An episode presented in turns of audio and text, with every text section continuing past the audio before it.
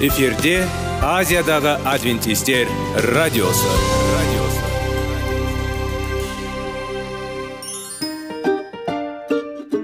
Сәлем достар. Денсаулық өмір бұлағы және біздің бірінші байлығымыз демекші денсаулық сағаты рубрикасына қош келдіңіздер. Біздің рубрикада біз әртүрлі факторларменен мәліметтерменен кеңестерменен бөлісіп шын жүректен сіздердің дендеріңіз сау болғанын қалаймыз. Сол үшін біздің рубрикаға қош келдіңіздер. Дайындалып тұрыңыздар. Өйткені келесі минуттарда қызықты фактілерге ие боласыздар. Енді достар ең бірінші байлығымызды қолымызға алып алға кеттік.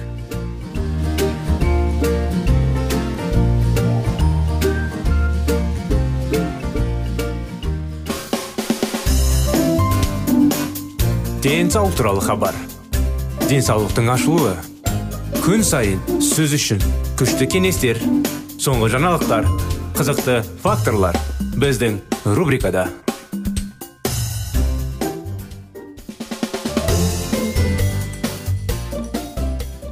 Сәлем достар. Армысыздар құрметті біздің тыңдаушыларымыз. Қош келдіңіздер денсаулық сағат бағдарламамызға. Қытай зерттеулері тақырыбын сіздермен бірге біз ары қарай жалғастырамыз. Чили. Жүргізілген зерттеу алғашқы екі факторды қарастырды. Сүт сүті және гендер.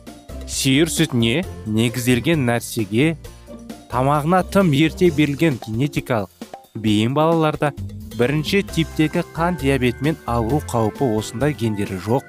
Және кем дегенде үш ай емізетін балаларға қарағанда он үште бір есе жоғары болды.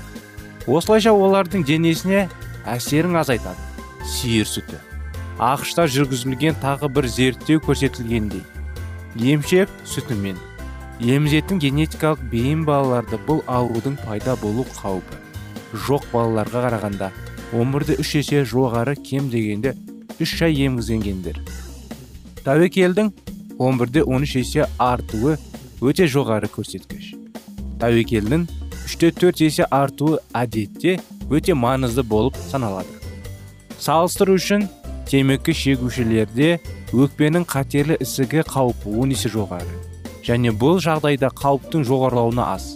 Ал қан қысымы жоғары және қандағы холестерин деңгейі. Жоғары адамдарда жүрек тамыр аурулары қаупі. Екіде бес үш есе жоғары. Бұл қауіптің он бірде он үш есе.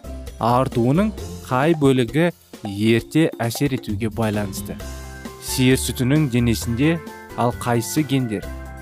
Бүгінгі таңда бірінші типтегі қан диабеті генетикалық факторлардан туындаған деген пікір кен таралған және дәрігерлер бұл көзқарасты жиі бөліседі.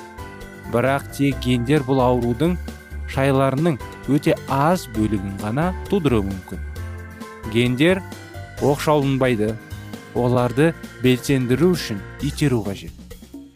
Егер бір егіздердің бірінде бірінші типті қан диабеті болса бұл аурудың екінші егіздерінде пайда болу ықтималдығы терек 13-те 33 пайыз.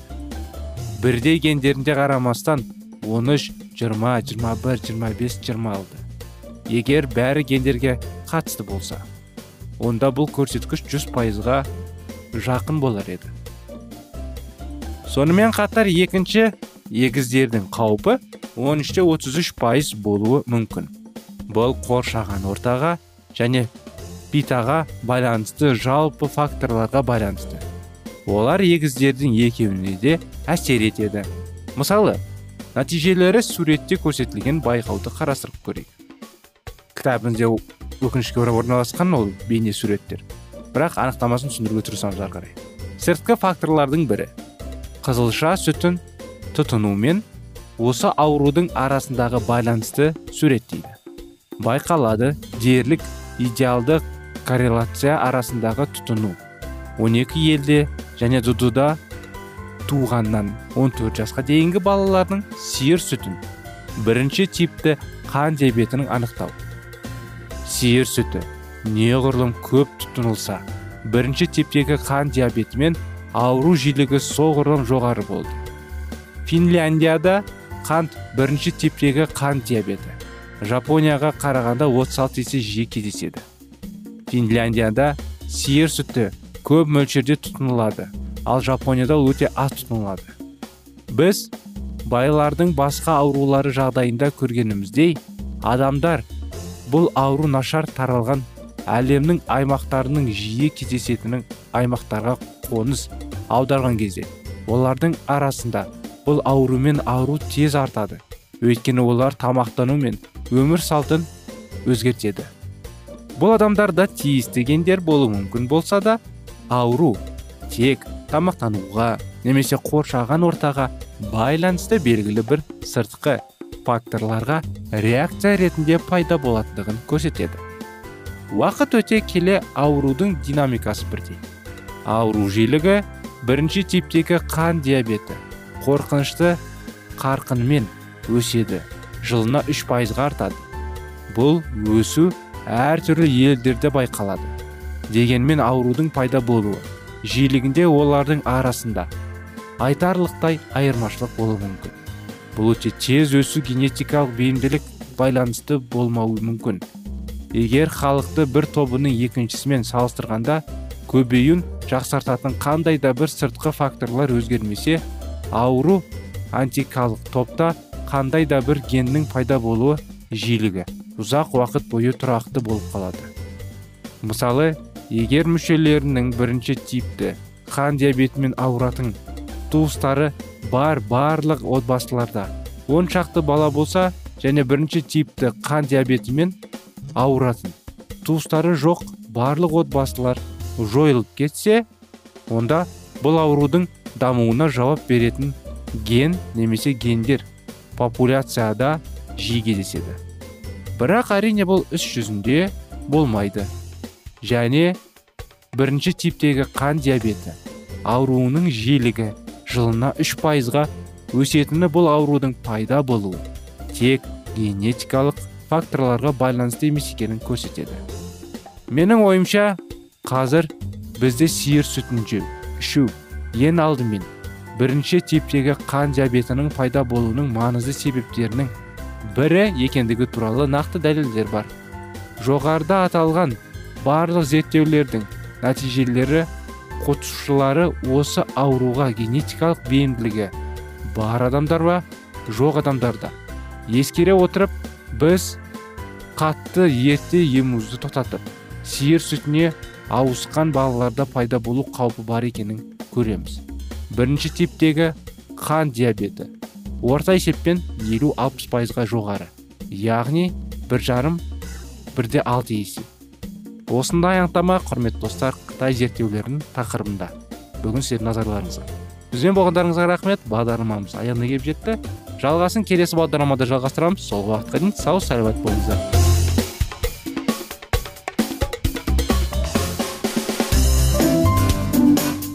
Денсаулық туралы хабар.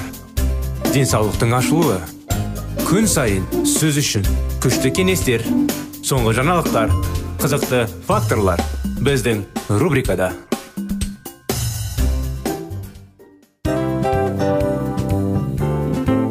Әуелі байлық денсаулық екінші байлық он саулық үшінші байлық ақ жаулық. Ал енді осындай радио парақшадан кейін не дейміз? Барлықтарыңызға денсаулықтарыңыз зор болсын деп тілейміз. Денсаулықтың өзгеруі кішкентай нәрселерден басталады. Осымен біз берген кеңестер мен мәліметтер шын жүректен сіздер үшін қандай да бір болсын жәрдем берді деп үміттенеміз. Тыңдаушыларымызбен келесі радио парақшасына дейін қоштассамыз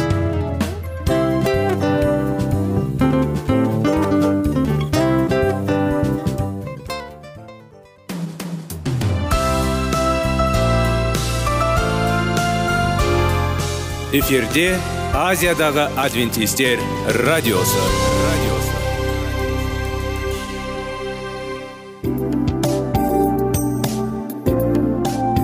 Сәлем достар. Барлықтарыңызға шын жүректен сөйлесейік рубрикасына қош келдіңіздер деп айтпақшымыз. Шын жүректен сөйлесейік бағдарламасы әртүрлі қызықты тақырыптарға арналған. Шындығында шын жүректен сөйлесейік деген сөздің мағынасы екі достың екі адамның ортасындағы шын жүрекпен сөйлесуі бір біріне сенуі ашықтық пен шындықты білдіреді. Сол үшін біздің бағдарламалар әртүрлі қызықты тақырыптарға арналған. Дайындалыңыз жаңа қызықты мәліметтерге ие болуға. Ондай болса кеттік.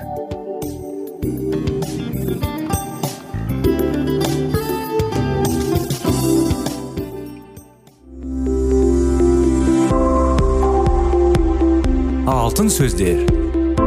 Сырласу қарым қатынас жайлы кеңестер мен қызықты тақырыптар. Шын жүректен сөйлесейік рубрикасында.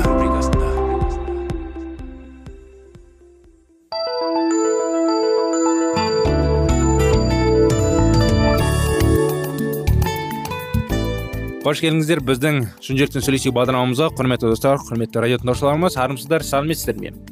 жиырма бес керемет неке оқиғаларын жалғастыра кетейік. Егер адам жыныстық күнәларға батып кете берсе онда сыртқы ұстамдылық пен өз ерік күште оны азаттыққа жеткізе алмайды. Егер тіпті адам өз өзін ұстап жүретін болса да ішкі жан дүниесінде күнә билік жүргізе береді. Біздің сыртқы жүріс тұрысымыз тек ақыл ойымыз жаңарып өзгерту арқылы ғана өзгеріске түседі. Бұл күнәқар дүниенің өмір сүру салтын үлгі етпеңдер қайта ол ой тілектерін құдайдың жанартуымен түбегейлі өзгерсін.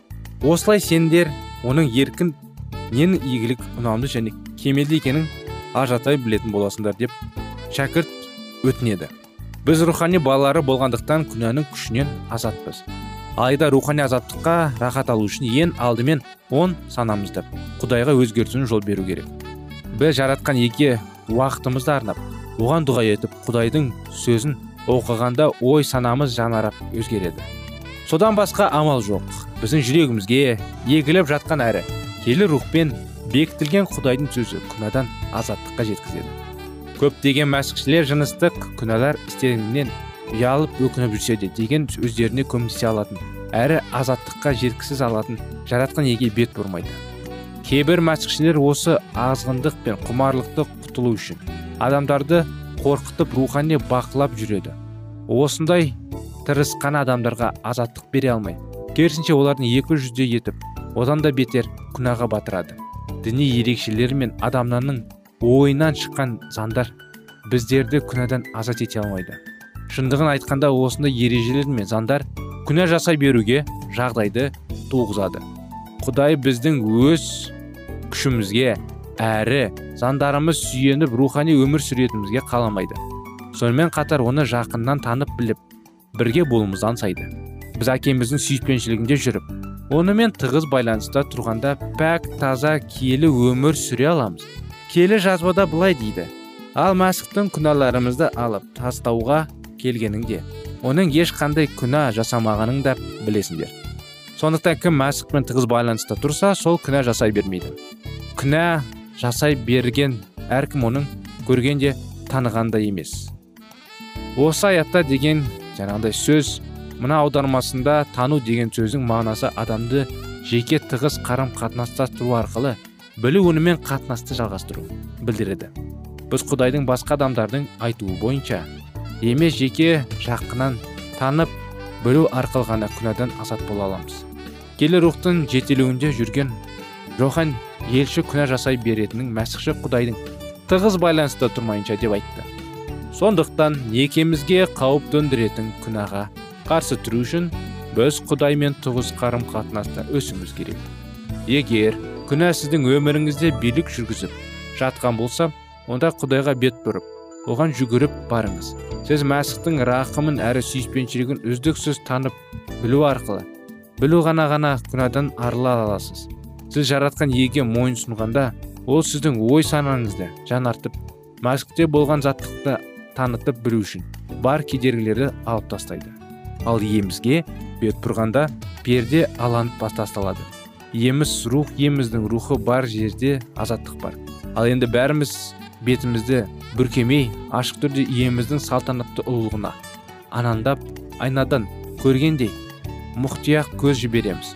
Осылайша ол бізді өзіне ұқсатып өзгертіп келеді сол арқылы оның салтанатты ұлығы барған сайын бізден көбірек көрініс табады бұл иеміздің киелі рухтан келеді құдай біздің өзімшіл өз күшімізбен жыныстық әрі басқа күнәларға қарсы тұруымызды қаламайды ол сіздің пак таза киелі әрі адалдық өмір сүруіңізді қалайды сіз құдайдың сүйіспеншілігіне бола оған деген сүйіспеншілік өсе берсе өміріңіз жанарып оған құрмет көрсетуді аңсайтын боласыз сіз жаратқан иенің еркіне мойынсұнып оның жолымен жүретін боласыз исадай өмір сүруге күш қуатына бөленесіз паул елші филипп қаласындағы сенушілерді үшін былай мінәжат етті.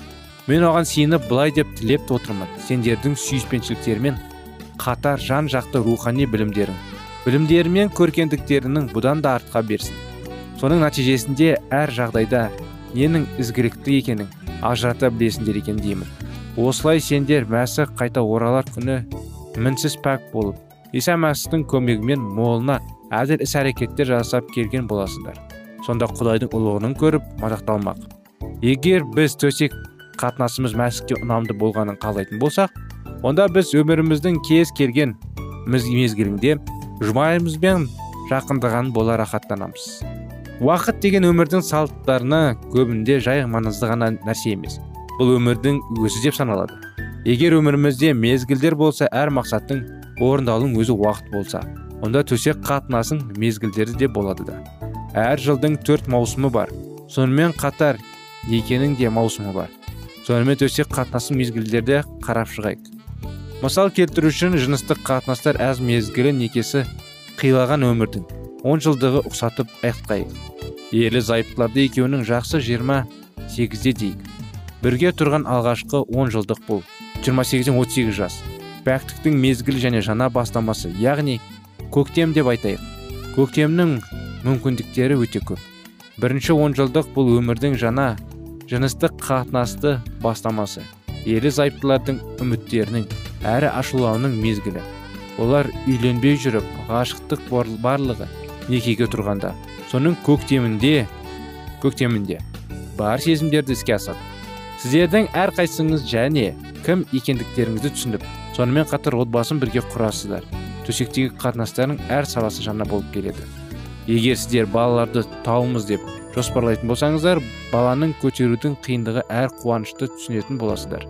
Балалар туғанда төсек қатынасыңыз өзгереді. Сіздер тек екі ғашықтар ғана болмай әке шеше боласыздар. Балаларыңыз ұйқыңызды бұзып бөлмеңізде бірге ұйықтайтын болады. Мінекей анықтама кеңестер құрметті достар. Әрине бұның жалғасын келесі жолы жалғастырайық. Келесі жолға дейін сау болыңыздар.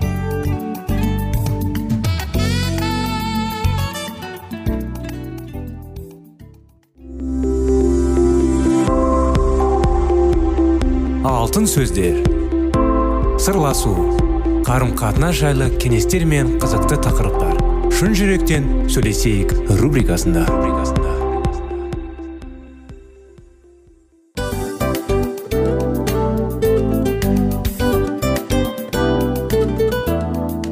Құрметті достар барлық ең соңғы кеңестер аяқталған соң біздің программамыз соңына келіп қалды. Осы біздің мәліметтер осы рубрикада айтылған әрбір сөздер сіздерге өзінің қандай да бір пайдасын алып келді деп шын жүректен сенеміз. Және бұдан да көптеген рубрикаларымыз бар. Басқа рубрикаларымызда біздің зерттеулерімізде сіздер үшін тағы да қызықты мәліметтер дайын. Біздің шын жүректен сөйлесейік парақшамызда көптеген әдістер ең соңғы кеңестер адамның нравственность жақтан моральдық жақтан тазалап байыта тұрған соңғы кеңестердің барлығын жанарады. сондықтан алдыңғы күндерде бізбен бірге болыңыздар. Өйткені барлық қызықтар алдыда. Бізбенен бірге болғандарыңызға үлкен рахмет. Келесі кездескенімізше сау сәлемет болыңыздар.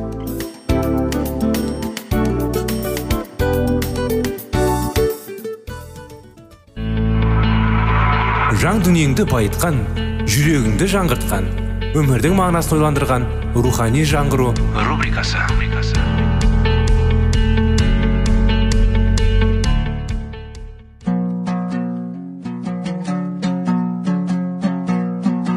Ассалаумағалейкум біздің тыңдаушыларымыз. Келі кітаптың шындығын ашып берген қысқа бағдарламасына қош келдіңіздер. Барлығынан жоғары жаратушы біздің қарыңғылықта жалғыз қалдырып қойған емес. Өйткені ол келешекте не болу керек екенін киелі кітаптың парақтарында ашып береді. Немесе келіңіздер бізге қосылыңыздар. Жаратушы бізге нен ашып бергенін зерттейміз.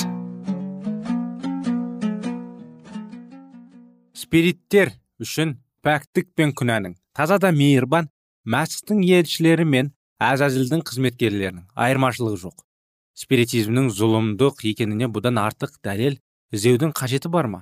Нағыз күнәқар жандардың өздері өлгеннен кейін көкке барады деген тұжырымды ұсына отырып шайтан жұртқа құдайға сенсең де сенбесең де оның сөзін тыңдасаң да тыңдамасаң да күнәһар боласың да болмасаң да қалай өмір еткеніне байланысты емес сенің үйің аспан дейді. Шынында спириттер зұлымдық жасайтындар құдайдың көңілінен шығады. Және құдай оларға батасын береді. Немесе әділетті құдай қайда? деп ашық арыз айтады.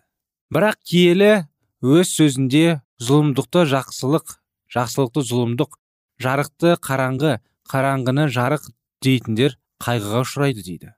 Бұл өтіріктің рухтары өздерін елшілердің рухтарымыз деп адамдарды алдап киелі жазбаға қарама қайшылық жасап елшілердің жазбаларына бұрмалайды.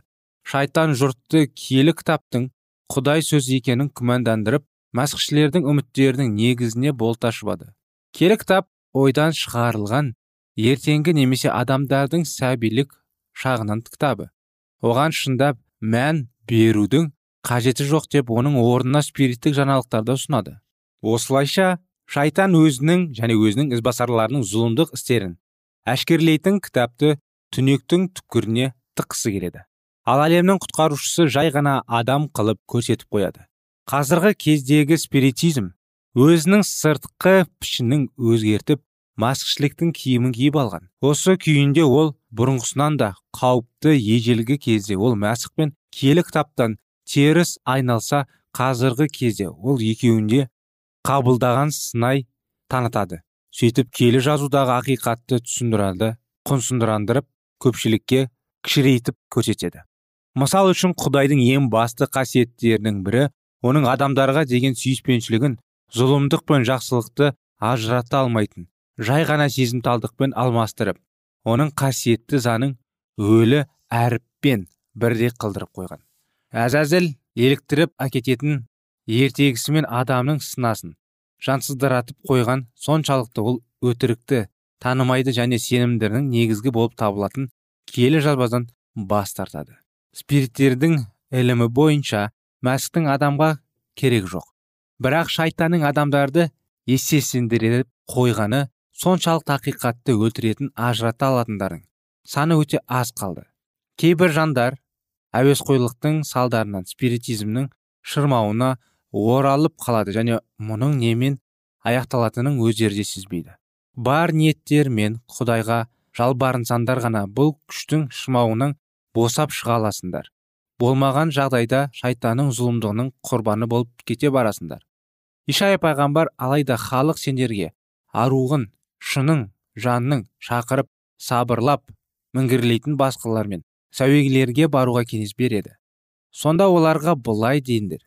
Адамдар жалғыз құдай иесіне ғана сиынып оның еркін сұрауы керек емес пе? Тірілер жайлы өлгендер не біледі? Жаратқан иенің берген тәлімдері мен ескертулеріне көңіл бөліп соған сүйеніңдер. Егер халық осы хабарламаға сай сөйлемесе онда олардың айтқаны жалған дейді. Мұндай өртікшілерге атар тан жоқ. Егер де халық киелі кітаптың бестерінде анық жазылған адамның табиғаты жайлы ақиқаты жақсы білсе онда спиритизмнің сайтанның ісі екенін жақсы білген болар еді.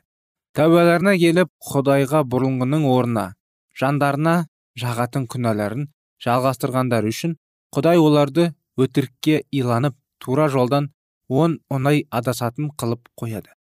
Ал спиритизмге қарсы күрес жүргізгендер тек онымен айналысатын адамдармен ғана емес шайтан және оның жындарымен де шайқасады. Аспаннан түсетін хабаршылардың күші болмаса әзәзіл бір адым жерді де босатайын деп жүрған жоқ. Бұл шайқаста жеңіске жету үшін құдай халқы киелі жазбаны жақсы білу керек. Өйткені сайтан киелі кітапты жатқа біледі және ондағы тәулік сөздерді кері бұрмалап ұғындырады. Ал сендер байқаулы болмасаңдар оның құрған торына түсулерің әбден мүмкін.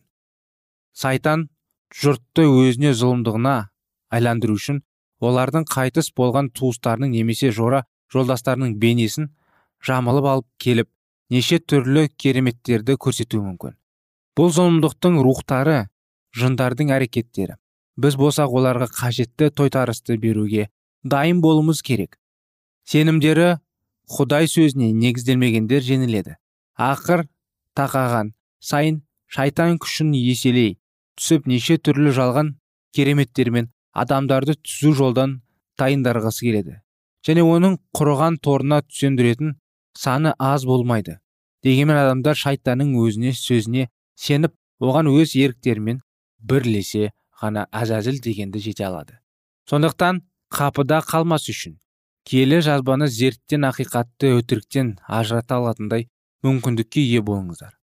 Тек құдай сөзін өздеріне қорған ететін шынайы жандар ғана бұл шайқаста жеңіп шыға алады. Сен менің қиыншылықтарда төзімділік таныту керектігін жайлы бұйрығымды орындағаның үшін мен де осы дүниенің адамдарын тексеруге арналған. Бүкіл жер бетінде болатын азапты сынақ кезінде сені қорғаймын дейді рабым алла. Ишая пайғамбардың айтуынша зұлымдар біз ажал мен одақ тұрдық жердің астымен келісімге тұрдық. Жалмаған от бізге соқтықпай жанымыздан өтеді. Өйткені біз өтірікті баспана еттік. Құлақты үстімізге жабу қылып жаптық дейді екен. Осы айтылған жандардың қатарына адам жаны еш қашан өлмейді мәңгілік өмір сүреді деп өздері өздері алдап жүргендер де қосылады. Көзі емес көкірегі соқырларға қарап тұрып таң қаласын мыңдаған адамдар құдайға сенбейді. Бірақ шайтанның айтқан сөзін құмға құйылған судай сіміреді. Олар киелі кітапта мәсіх және оның адамзатты құтқару жоспары жайлы жазылған салтанатты ақиқаттың күлкі қылады. Құдайдың заңының орындап оның еркіне бағынатындарды аянышты күйдегі фанатиктер қиялшылдар болмаша нәрсеге мастанып жүрген шектеулі сорлар деп айтады. Өздері болса шынымен де екі ортаға бұзылмайтын бекініс орнатып қойғандай дозақпен келісім шартқа тұрғандай сынай танытады.